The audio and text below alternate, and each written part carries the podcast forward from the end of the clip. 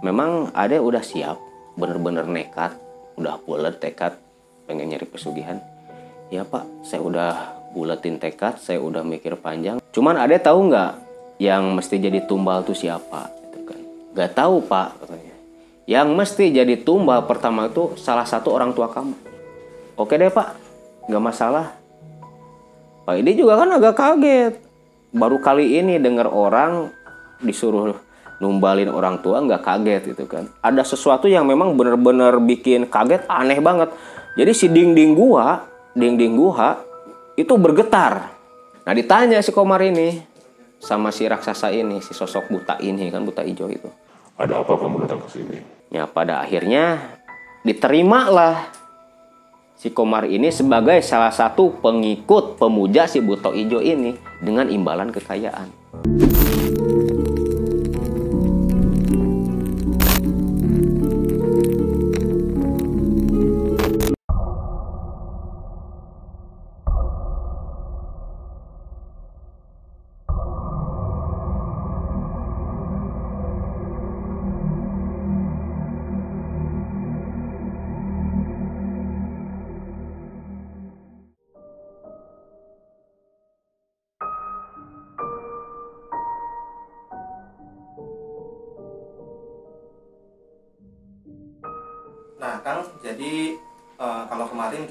cerita tentang pesugihan siluman kera ya.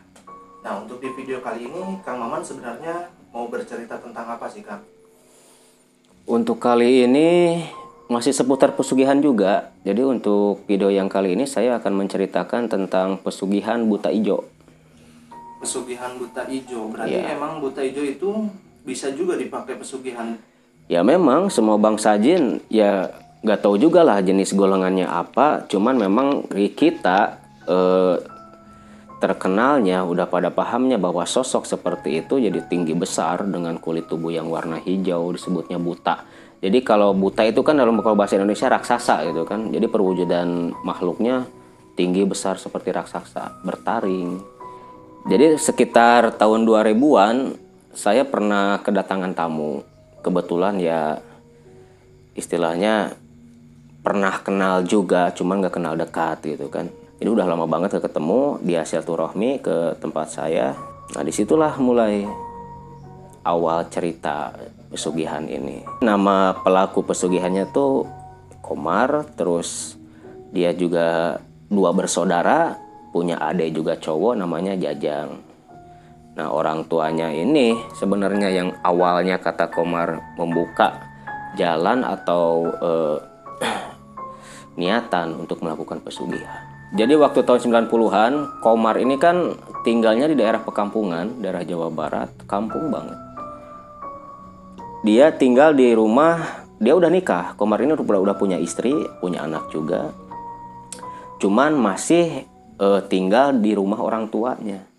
Nah kebetulan juga orang tuanya ini ya bisa disebut hidup di bawah garis kemiskinan lah.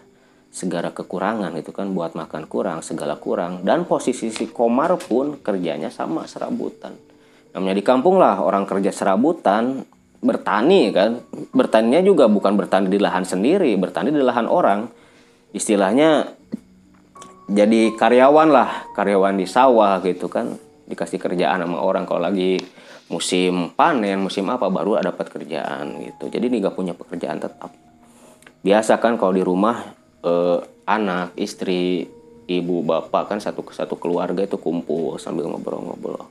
Nah awalnya kata Komar bapaknya, jadi lagi ngobrol-ngobrol, bapaknya ini kan mungkin ya istilahnya kasihan lihat kondisi kehidupan eh, bapaknya sendiri susah terus lihat kondisi kehidupan anaknya juga nggak terlalu beda hampir senasib gitu kan sama si bapaknya Komar ini.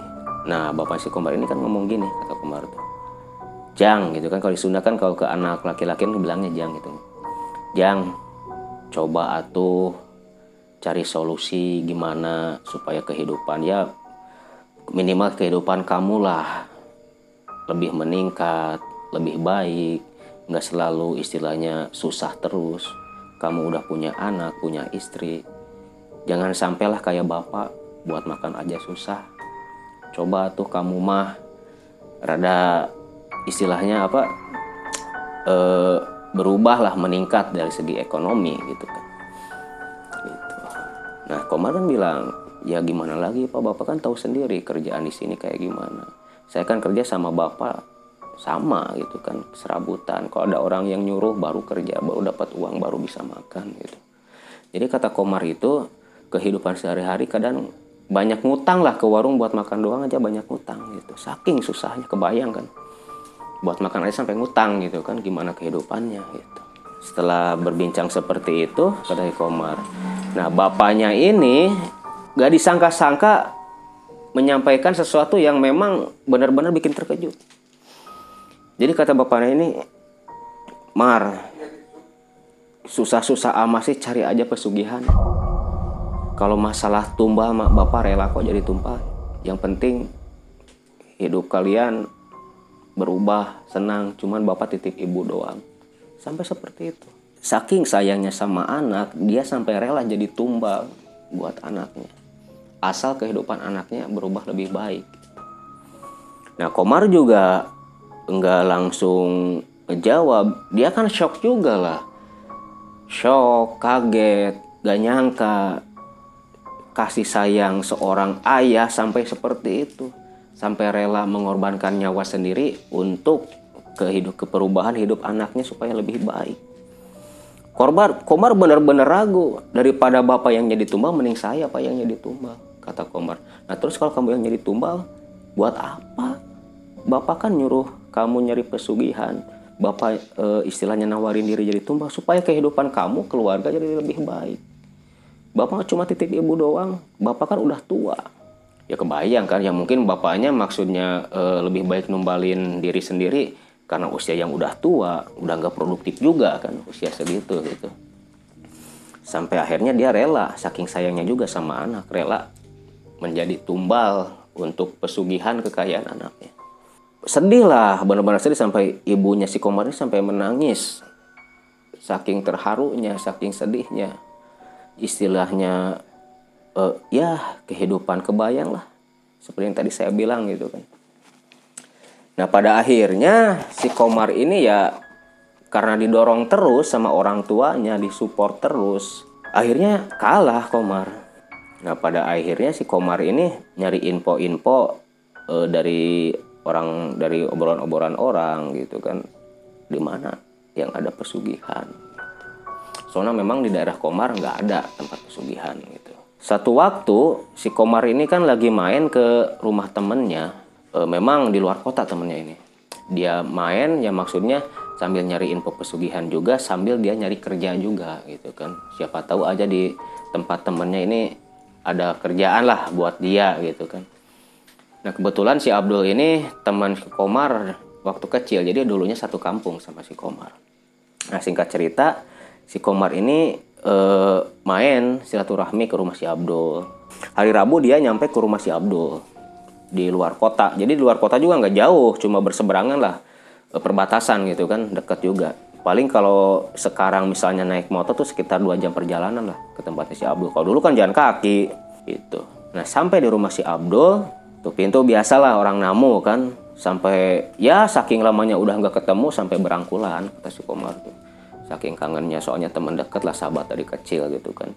Nah duduk di ruang tamu masuk. Nah terus si Abdul ini kan nanya sama si Komar tumben nih udah lama ketemu baru sekarang main ke sini ada apaan? gitu kan. Jarang-jarang loh kamu main ke sini gitu.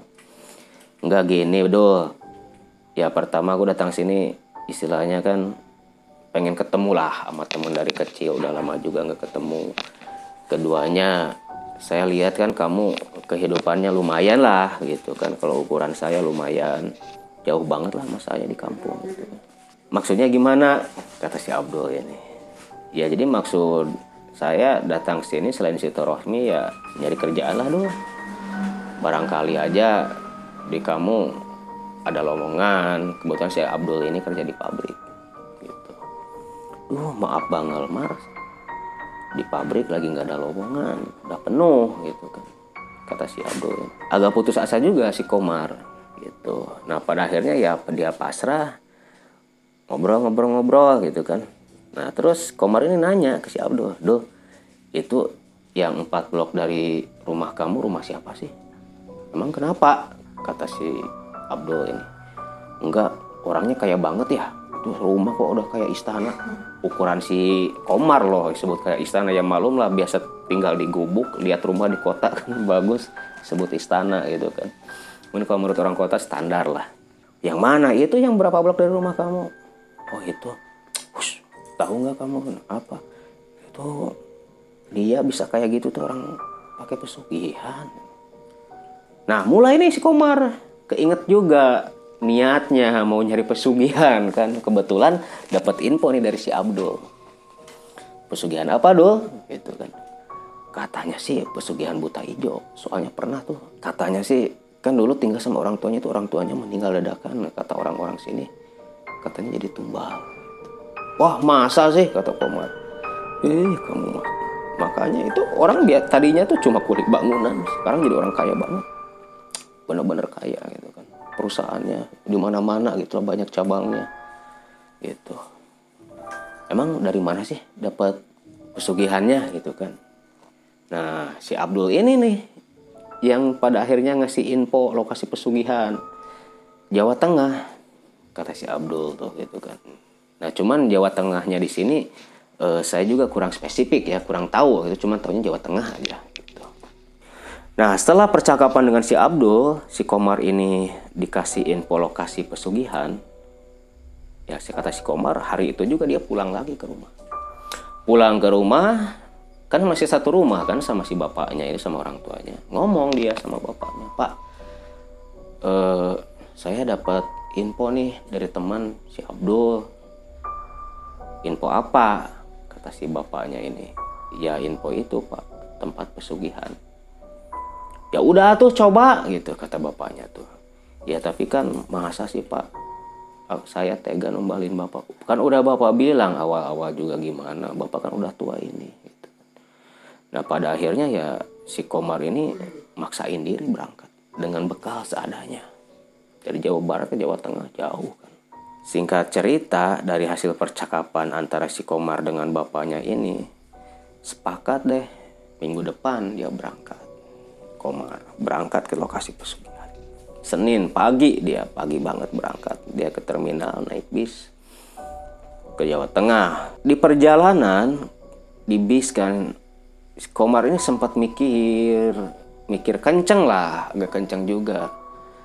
Masa sih saya bakalan tega numbalin bapak gitu kan walaupun bapak sendiri yang nyuruh saya taunya yang namanya orang jadi tumbal pesugihan tuh di sananya gini gini gini gitu kan dengar dengar dari orang lah tapi ya kalau saya ingat-ingat kata si Komar itu kan di pikirannya tuh kalau diingat-ingat ya kehidupan pribadinya yang serba susah akhirnya si Komar ini ya udah bulatin tekad gitu berangkat dia Nah setelah sampai di lokasi di kota itu di kota yang memang jadi tujuan buat ritual pesugihan.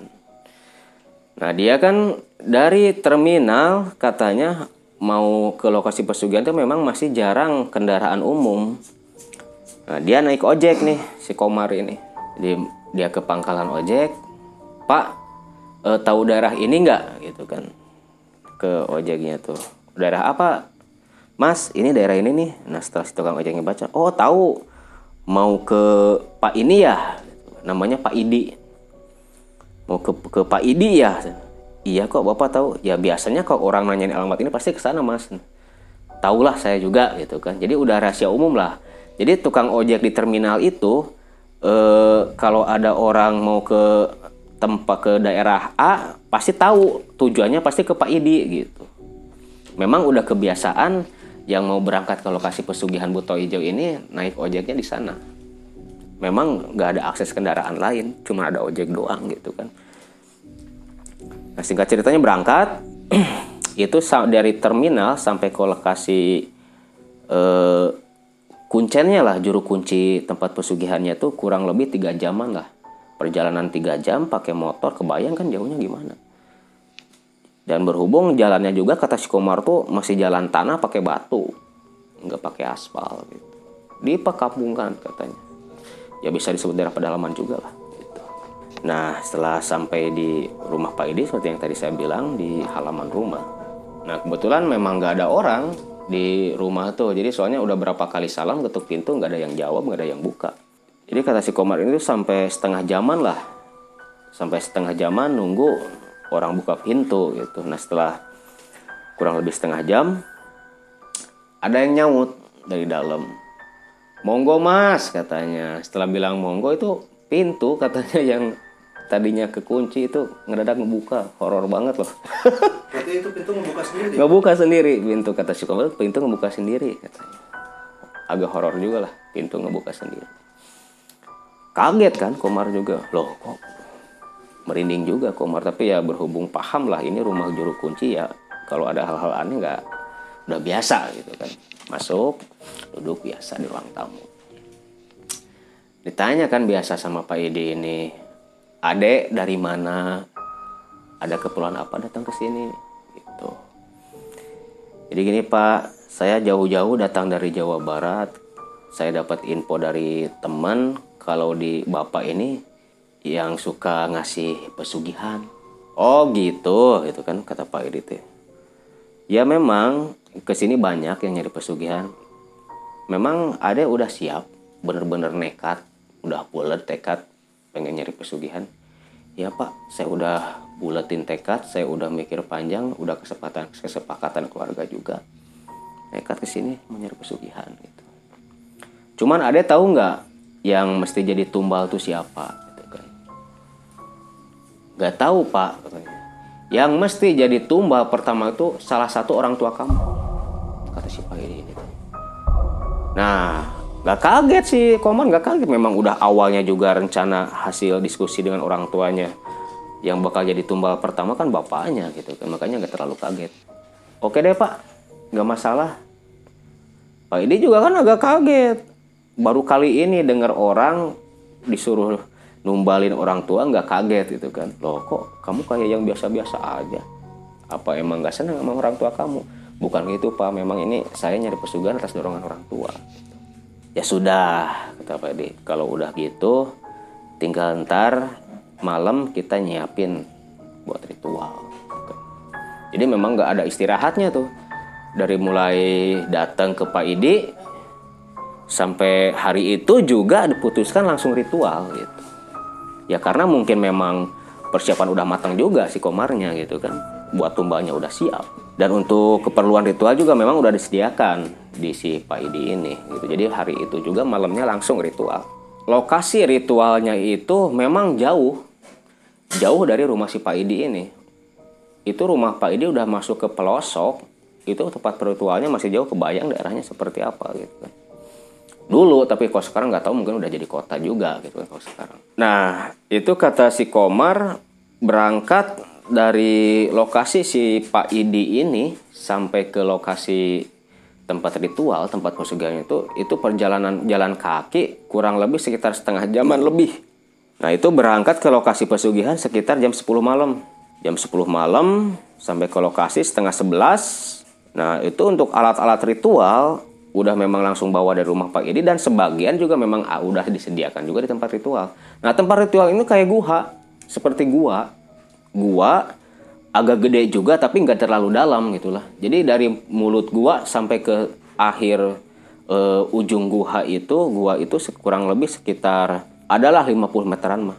Jadi pintu masuknya juga masuklah dua orang dua orang beriringan masuk gitu. Berarti agak gede juga kan. Kalau dua orang beriringan masuk agak gede gitu kan. Jadi e, pertama seperti lorong, ya kalau di gua kan banyak stalaktit, stalagnya gitu kan. Nah di e, ujung gua itu ada tempat datar, seperti altar lah. Tempat datar ya memang kata si Komar itu itu man tempat saya ritual gitu. Jadi pas datang terus sama si Pak Edinya tuh kan e, Komar hari ini kamu bertapa di sini. Nah kata Komar tuh bertapa ya duduk bersila sambil baca mantra gitu kan. Baca mantra berulang-ulang gitu, berulang-ulang terus. Itu proses ritualnya berapa hari kan? Nah itu kata si Komar sekitar tujuh harian memang. Berarti seminggu seminggu full seminggu full di dalam gua di dalam gua gak makan gak minum loh nah ini agak aneh juga gitu tapi kalau misalnya orang-orang ahli praktisi supranatural itu udah udah nggak aneh lah kalau hal seperti itu gitu jadi pertama biasa si Pak Idinya langsung yang buka ritual bakar kemenyan ses, naruh sesajen segala macam terus ada mantra-mantra yang dibaca gitu nah jadi kata si Pak Idi di, kalau misalnya kamu lulus eh, ada bagian pesugihan di sini, nanti ada penghuni guha ini yang nyamperin ke kamu.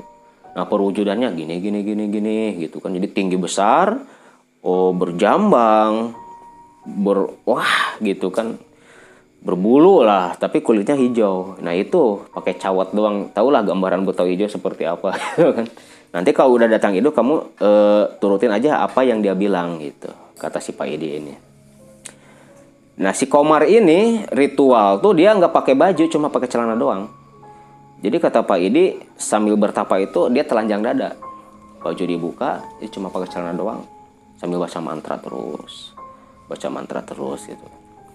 Nah setelah persiapan selesai si Komar ini ditinggalin sama Pak Idi katanya Jadi kata Pak Idinya sekarang kamu tapa di sini kalau yang penghuni di sini udah datang nyamperin kamu, nah berarti kamu sukses. Nanti Bapak jemput pas kamu selesai ritual. Itu jadi ditinggalin sendirian nih si Komar. Nah kata si Komar ini waktu pertama kali duduk bersila dia mulai baca mantra.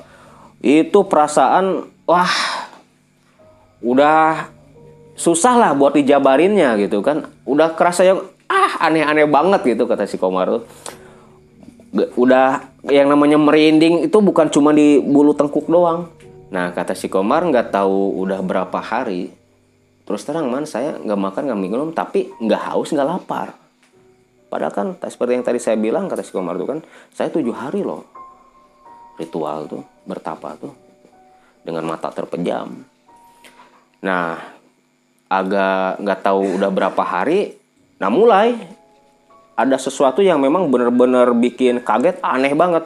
Jadi si dinding gua, dinding gua itu bergetar. Bergetar seperti yang terkena gempa gitu. Tapi anehnya nggak ada satu batu pun yang jatuh. Mestinya kan kalau gempa normal stalagmit stalagmit yang di atas tuh itu pasti jatuh kan. Ini enggak. Bergetar tapi sesaji yang di depan di, di depannya kan sesaji di nampan tuh kayak kembang tujuh rupa dan segala macam itu enggak goyang. Sesaji itu enggak goyang. Nah, setelah uh, getaran yang seperti gempa berhenti, muncul langsung di depan dia sosok tinggi besar dengan kulit yang berwarna hijau dengan bulu yang ah kata si Komar tuh nggak ada bandingannya lah kalau di alam kita man kayaknya saya nggak pernah lihat ada orang kayak gitulah. Dengan perwujudan yang tinggi besar dengan kulit yang warna hijau perut buncit dengan taring ya. Ya muka kamu tau lah muka leak tuh ambil ambil mirip muka leak gitu. Dengan suara yang besar sesuai dengan perawakannya kan tinggi besar gitu kan suaranya yang wah tahu kalau di wayang suara gatot kaca atau suara raksasa seperti itu. Nah ditanya si Komar ini sama si raksasa ini si sosok buta ini kan buta hijau itu. Ada apa kamu datang ke sini nah teruslah Komar menceritakan keluh kesah masalah kehidupan dia yang sengsara dengan segala uh, kesusahannya ya pada intinya dia minta pesugihan lah si Komar ini minta pesugihan ke sosok yang but, yang tadi saya sebut ya yang buta hijau itu. Ya pada akhirnya diterimalah si Komar ini sebagai salah satu pengikut pemuja si buta hijau ini dengan imbalan kekayaan. Nah setelah itu si buta hijau itu menghilang, nggak datang, nggak ada lagi, menghilang langsung tanpa jejak sama sekali. Setelah buta hijau menghilang, nah si Komar ini kan langsung e, nerusin terus ritual, baca mantra. Nah selang berapa lama kemudian nggak tahu sehari dua hari si Pak Idi ini bangunin si Komar. Jadi Komar kan posisi e, bersila gini kan baca mantra dengan kepala terpejam, eh kepala terpejam, mata terpejam, baca mantra. Nah ada yang dari belakang, Mar Mar bangun bangun bangun. Gitu dari belakang tuh. Komar juga kaget kan, kaget. Pas nengok, oh Pak Idi gimana pak? Gitu kan kata Kumato udah beres sekarang kamu bangun kamu mandi dah. Nah jadi di gua tadi belum saya sebutkan di dalam gua ini ada juga sejenis sumber air seperti eh, sungai bawah tanah tuh yang di dalam gua gitu kan yang dari tetesan dari stalagmit cuman memang agak gede juga gitu kan. Nggak tahu lah sumbernya dari mana gitu. Se- sejenis sumur batu gitu kan cuman nggak dalam. Paling ada air kurang lebih sekitar ya nggak banyak sih. Kalau misalnya ember ya sekitar 4 emberan lah di dalam lubang itu gitu kan. Mandi nah setelah mandi terus dibawa pulang sama si Pak Idi ini. Bawa pulang ke rumah. Setelah nyampe rumah kata si Pak Idi ini selamat Mar kamu udah diterima. Kamu sekarang dap udah dapat pesugihan buta ijo. Sebentar lagi kamu bakal jadi orang kaya. Nah si Komar kan bingung. Lah terus proses saya jadi kayanya gimana Pak? Gitu kan. Ya tadi masih buta ijonya nggak dijelasin gitu. Nah dijelasinnya sama si Pak Idi ini selaku juru kunci gitu. Kamu tunggu sebentar ya kata Pak Idinya. Jadi Pak Idinya kata Komar tuh eh, berdiri terus dia masuk kamar. Keluar dari kamar dia bawa buntalan. Seperti buntalan kain kayak pendekar-pendekar zaman dulu yang bawa gembolan baju pakai buntalan kain. Bawa buntalan agak gede juga lah segede gini nih buntalannya tuh. Disimpan di meja. Nah Komar kan nanya Pak ini apaan ya? Buntalan tenang aja sambil senyum si Pak Idinya tuh. Tenang aja santai. Bapak buka ya ini buat kamu. Dari siapa Pak? Ya dari Buto Ijo lah yang ngasih pesugihan sama kamu. Oh gitu kan kata Komar. Tuh nggak tahu juga ngerti Komar. Pikirannya kalau misalnya dikasih sama bangsa jin kayak gitu kan pusaka keris atau apa gitu kan. Di luar bayangan Komar juga sebenarnya isi dari eh, si buntalan itu. Setelah dibuka sama si Pak Edi, nah ternyata lembaran uang. Uang lembaran dengan pecahan 100 ribuan di dalam buntalan kain itu. Komar kan kaget, baru kali itu, waktu baru sekali lah dia lihat uang sebanyak itu. Dia pegang uang 100 ribu aja jarang. Kerja serabutan di kampung kan paling berapa gitu kan.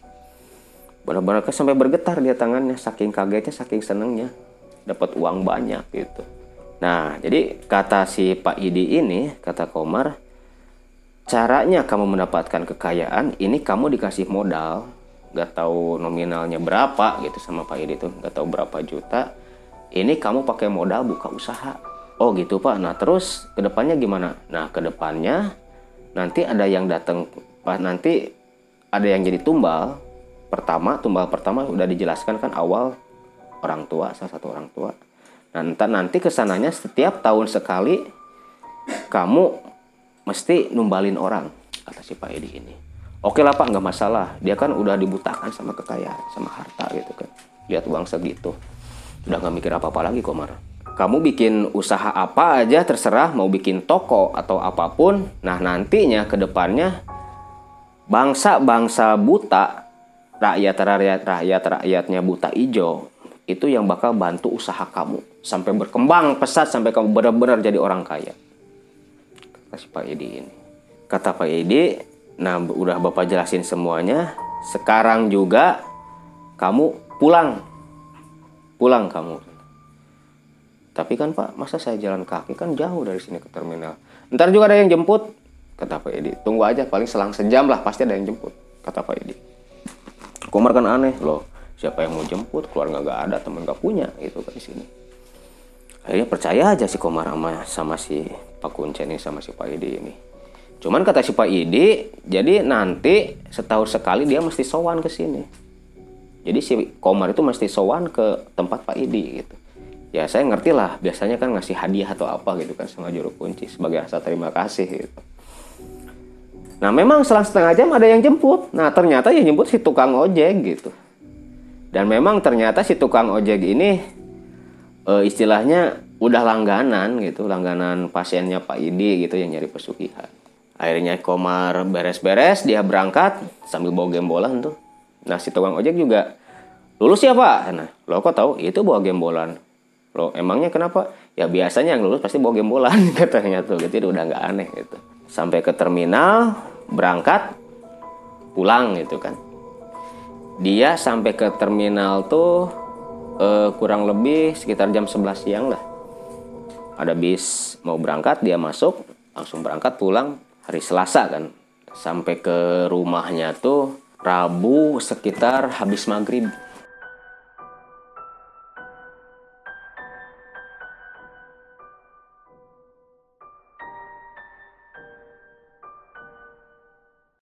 Si Komar ini mengalami satu kejadian yang benar-benar ekstrim, lebih ekstrim waktu dia didatangi sama si buta hijau itu.